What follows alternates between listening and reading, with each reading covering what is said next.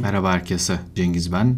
Duvarın ardına hoş geldiniz. 5 Haziran Cumartesi bugün. Artık yazın geldiğini söylemek mümkün olabilir diyeceğim ama Ankara'da da hava bir hayli böyle serin, kapalı. Artık biraz daha bekleme zamanı diye düşünüyorum yaz için. Bugün intihardan biraz konuşmaya çalışacağım. İntiharı anlamak diyeceğim bu podcast'in başına. Aslında anlamanın mümkün olmadığı bir şeyi anlatmaya çalışacağım. Hatta intiharı pek de anlayamayan insanların acısını anlamak için sizi bu podcast'te dahil edeceğim. Hani bu anlayamayanları profesyoneller olarak düşünebilirsiniz. Çok karışık bir fenomeni anlama çabamıza sizi dahil edeceğim. Gerçekten neden böyle bir ihtiyacımız olduğunu biraz sizlere anlatmaya çalışacağım. Yaklaşık bir buçuk sene önce buna benzer bir podcast serisi yapmıştık. Ancak onu çeşitli sebeplerden dolayı kaldırmam gerekti. Bazı insanlar hatırlıyor o podcast serisini. Çok da güzel bir seriydi. Şimdi biraz daha farklı bir şekilde tek başıma bu kez intihar üzerine konuşmaya çalışacağım. Yakın zamanda birkaç yerde intiharla da ilgili konuştum. Onu biraz daha modifiye edip birkaç şey daha ekledim. Biraz daha belki öznel deneyimlerin de yer aldığı en azından hani kişisel hisler anlamında bir podcast yapmaya çalışacağım. Galiba ilk defa lise yıllarımdayken basketbol takımından bir arkadaşımın intihar haberini almıştım. İntiharla ilk karşılaşmam herhalde oydu. Yani elbette bildiğimiz bir şeydi, duyduğumuz bir şeydi. Gördüğümüz, okuduğumuz bir şeydi. O haberi duyduğumda çok şaşırmıştım. Yani herhalde herkes şaşırıyordur zaten. Hani hangi intiharı duyduğumuzda şaşırmayız ki. Ama ben küçük bir yaşımdaydım ve takım arkadaşım yani benden aynı yaşta ya da bir yaş küçüktü herhalde. Onun e, intiharını duyduğumda anlam veremedim. Yani insanlar da haklı olarak neden diye soruyor. Ben de herhalde sormuşumdur. O zaman karşılıksız aşk o tarz şeyler duymuştum. Yani bilmiyorum tabii. Daha sonrası da karmaşıktı. Hani bir üzüntü var, bir hüzün var ortada ve bunu paylaşmak çok da mümkün olmuyor. Konu intihar olunca böyle insanlar biraz daha sessizleşiyor. Yani eceliyle gelen ölümlerden çok daha farklı bir yas biçimi var intiharın. Geride kalanların sessiz kaldığı, biraz böyle kendilerini belki de suçlu hissettikleri bir an yaşanıyor intiharlardan sonra. Daha da ilginç o zaman bazı kültürel dini motiflerin de işin içine girdiğini görmüştüm. Yani cenaze namazı, cenazesi falan var mı işte taziyesi nerede gibi sorular sorduğumda birkaç kişi intihar ettiği için onun cenazesi kılınmaz gibi şeyler söylemişti.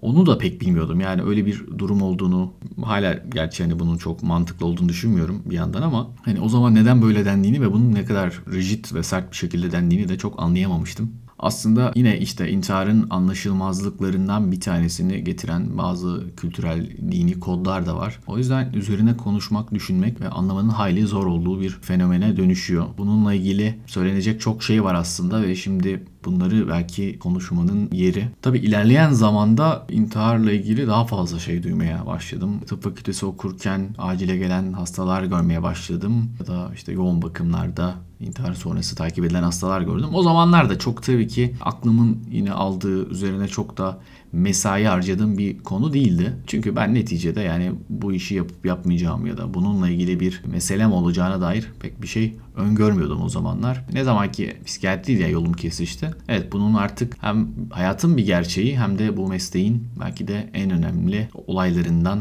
birisi olduğunu anlamaya başlamıştım. Tabii ki yine çok kolay olmadı. Bu işi profesyonel yapmak da başka türlü bir bakış gerektiriyor terminolojiye hakim olmak, hastayla doğru iletişim kurmak, söylenecek sözleri seçmek, müdahaleleri yapmak bunlarla ilgili gerçekten yoğun bir mesai gerekiyor. Yani üzerine çalışmak, okumaktan da ziyade düşünmek de gerekiyor diye şimdi düşünüyorum en azından. O zamanlar intihar etmek kelimesinin hayata son vermek anlamına geldiğini düşünmüyordum. Yani insanlar intihar etmiş dediğimde ben girişimde bulunmuşlar gibi söylüyordum ilk zamanlarımda psikiyatride. Aslında intihar etmek demek yaşamına son vermek. İntihar denemesi, intihar girişimi gibi şeyler deneme ve hani denemenin sonunda hayatta kalmayı ifade eden şeyler. Ve tabii bunun daha da böyle karmaşık bir ifadesi var. Başarısız intihar girişimleri gibi.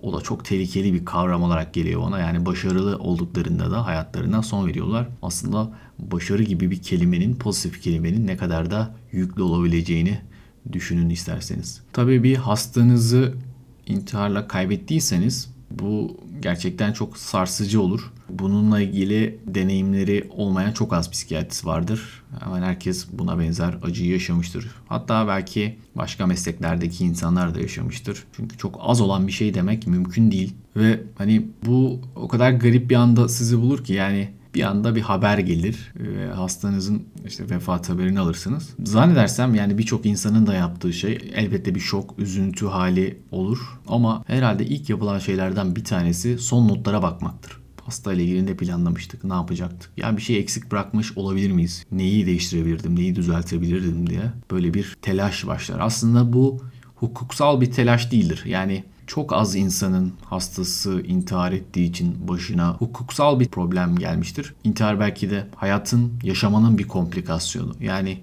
kişinin ya da belki işte psikiyatristin, psikoloğunun bazen elinde olmayan bir şey ama yine de her bu olaydan sonra sanki bizim de elimizden bir şey gelirmiş gibi ya da işte her şeye gücü yetenlermişiz gibi hissedip nasıl olur ya diye sorduğumuz anlar olur. Bu gerçekten hani o insanın tüm güçlülüğü, her şeyin üstesinden gelme hali, o narsizmiyle de alakalı bir şeydir belki de. Yani nasıl olur da benim hastam böyle bir şey yapar. Bu narsistik kırılma öfke de yaratır. Yani neden böyle bir şey yaptın? Ben sonuçta sana yardım etmeye çalışıyordum. Yani ben yardım etmeye çalışıyordum. Yani bu işi yapabilecek, her şeye gücü yetebilecek kişi olan ben.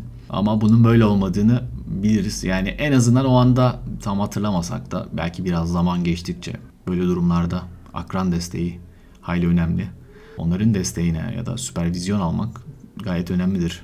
Bu işe tek başımıza gücümüzün yetmeyeceğini anlamak gerekir. Kaç defa şöyle anlara tanık oldum. Ne yazık ki tanık oldum. Randevusuna gelemeyecek olduğunu söyleyen birkaç hasta yakın aramıştı ve keşke dolmuşları kaçırmış olsalardı, randevuyu unutmuş olsalardı ya da o gün başka işleri çıkmış olduğu için gelmeselerdi.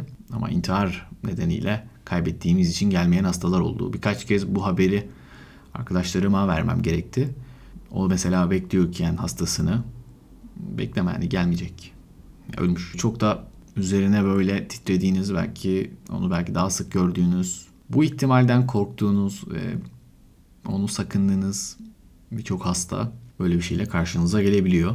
Bunlar dışında elbette hani her zaman intihar girişimleri ölümle sonuçlanmıyor. Bazen başka türlü şeyler de karşımıza çıkıyor. Yoğun bakımlarda takip ettiğimiz sekel kalan hastalar yani aldığı ilaçlardan dolayı ölmedi ama organlarına hasar verdiği için olan durumundan belki daha da zor durumlarda yaşayan hastalarımız da oldu.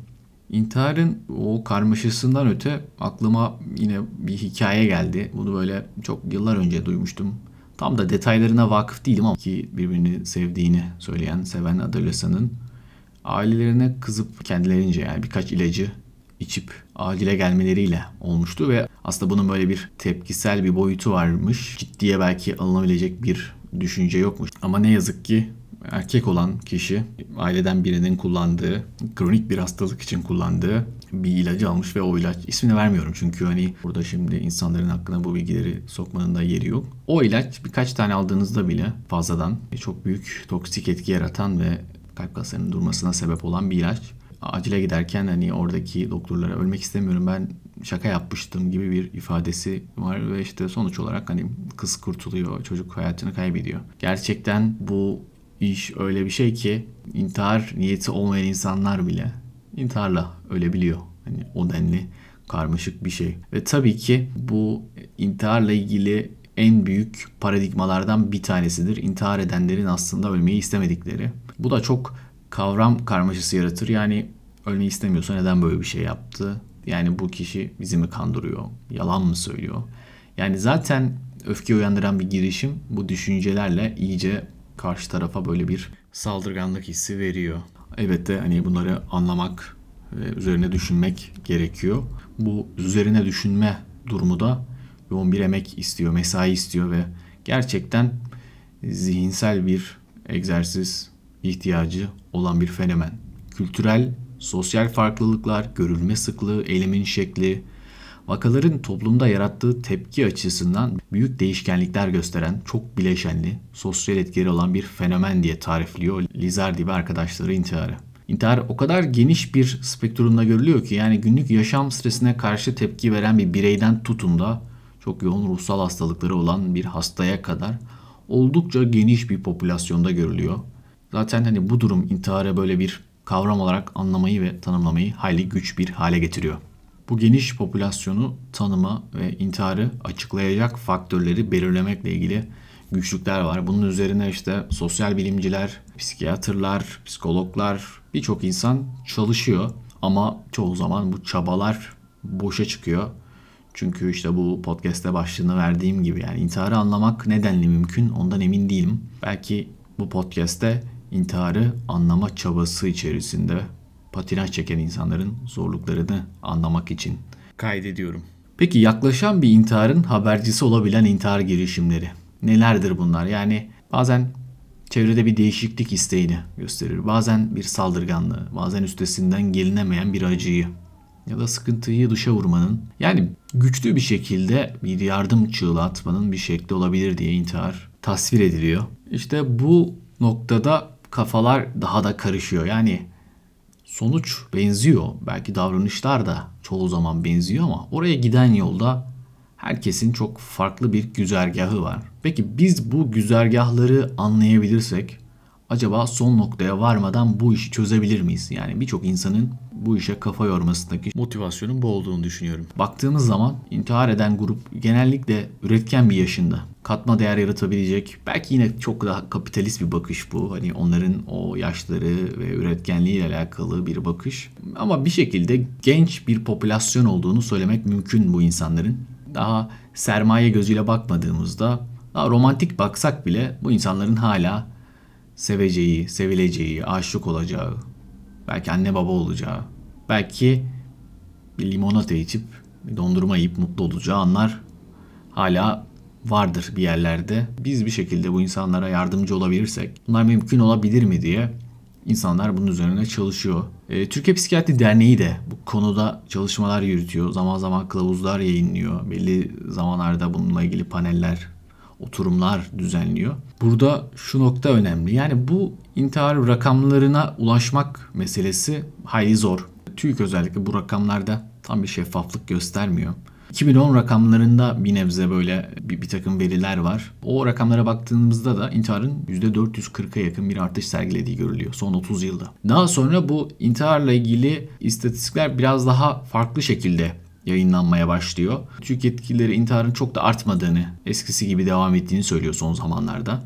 Muhtemelen intiharın politik bir tarafı olduğu için de böyle bir kollanmacı bir şey var. Herhalde e, siyasi aktörlerin burada bir dahli söz konusu. İntihar çünkü bir taraftan hani politik anlamda bir başarısızlığın sembolü olarak da konuşulabilir bir şey. Yani çünkü sosyal bir fenomen bir taraftan hayatla da ilgili çok güçlü bağları olduğunu söylemek lazım. Her ne kadar hayattan bağı koparan bir şey olsa da ve e, bu rakamlarla ilgili konuşulmaya çalışıldığında pek de böyle insanı tatmin eden açıklamalar yapılmıyor. Rakamlar açıklanmıyor. Bir de bu intiharların neden olduğuna dair bir çalışma yapmak pek mümkün olmuyor. Yani diyelim ki bu kadar kişi intiharla hayatına son verdi ve bunların kaçı bir hastalıktan, ruhsal hastalıktan, kaçı geçim sıkıntısından, kaçı başka türlü bir sebepten hayatına son verdi. Bunu öğrenmek işe yarayabilir diye insanlar gayret içerisinde. Gerçekten de bunu öğrenmek işe yarayabilir. Bunların üzerine konuşmak, bazı toplumsal tabuları yıkmak anlamında bunların önemi olduğunu söyleyebiliriz. Şu mesela dikkat çekici bir nokta. Burada ailelerin ya da çevrenin verdiği yanıtları doğru kabul ederek bu istatistikler tutulmuş. Genellikle hani hastalık, aile geçimsizliği, ticari başarısızlık, öğrenimde başarısızlık, istediğiyle evlenememe, geçim zorluğu ve bilinmeyen ve diğer nedenler olarak kategorilendirilmiş ve daha da ilginç kısmı bilinmeyen kategorisi %40'ından fazlasını. Yani neredeyse yarıya yakınını neden olduğunu bile bilmiyoruz. Yani hani o diğer yarısı bir takım sebepler var ama onlar da tabii ne kadar gerçekçi ailenin söylediği şeyler. Yani yarıya yakını da zaten hiç bilmiyoruz bile.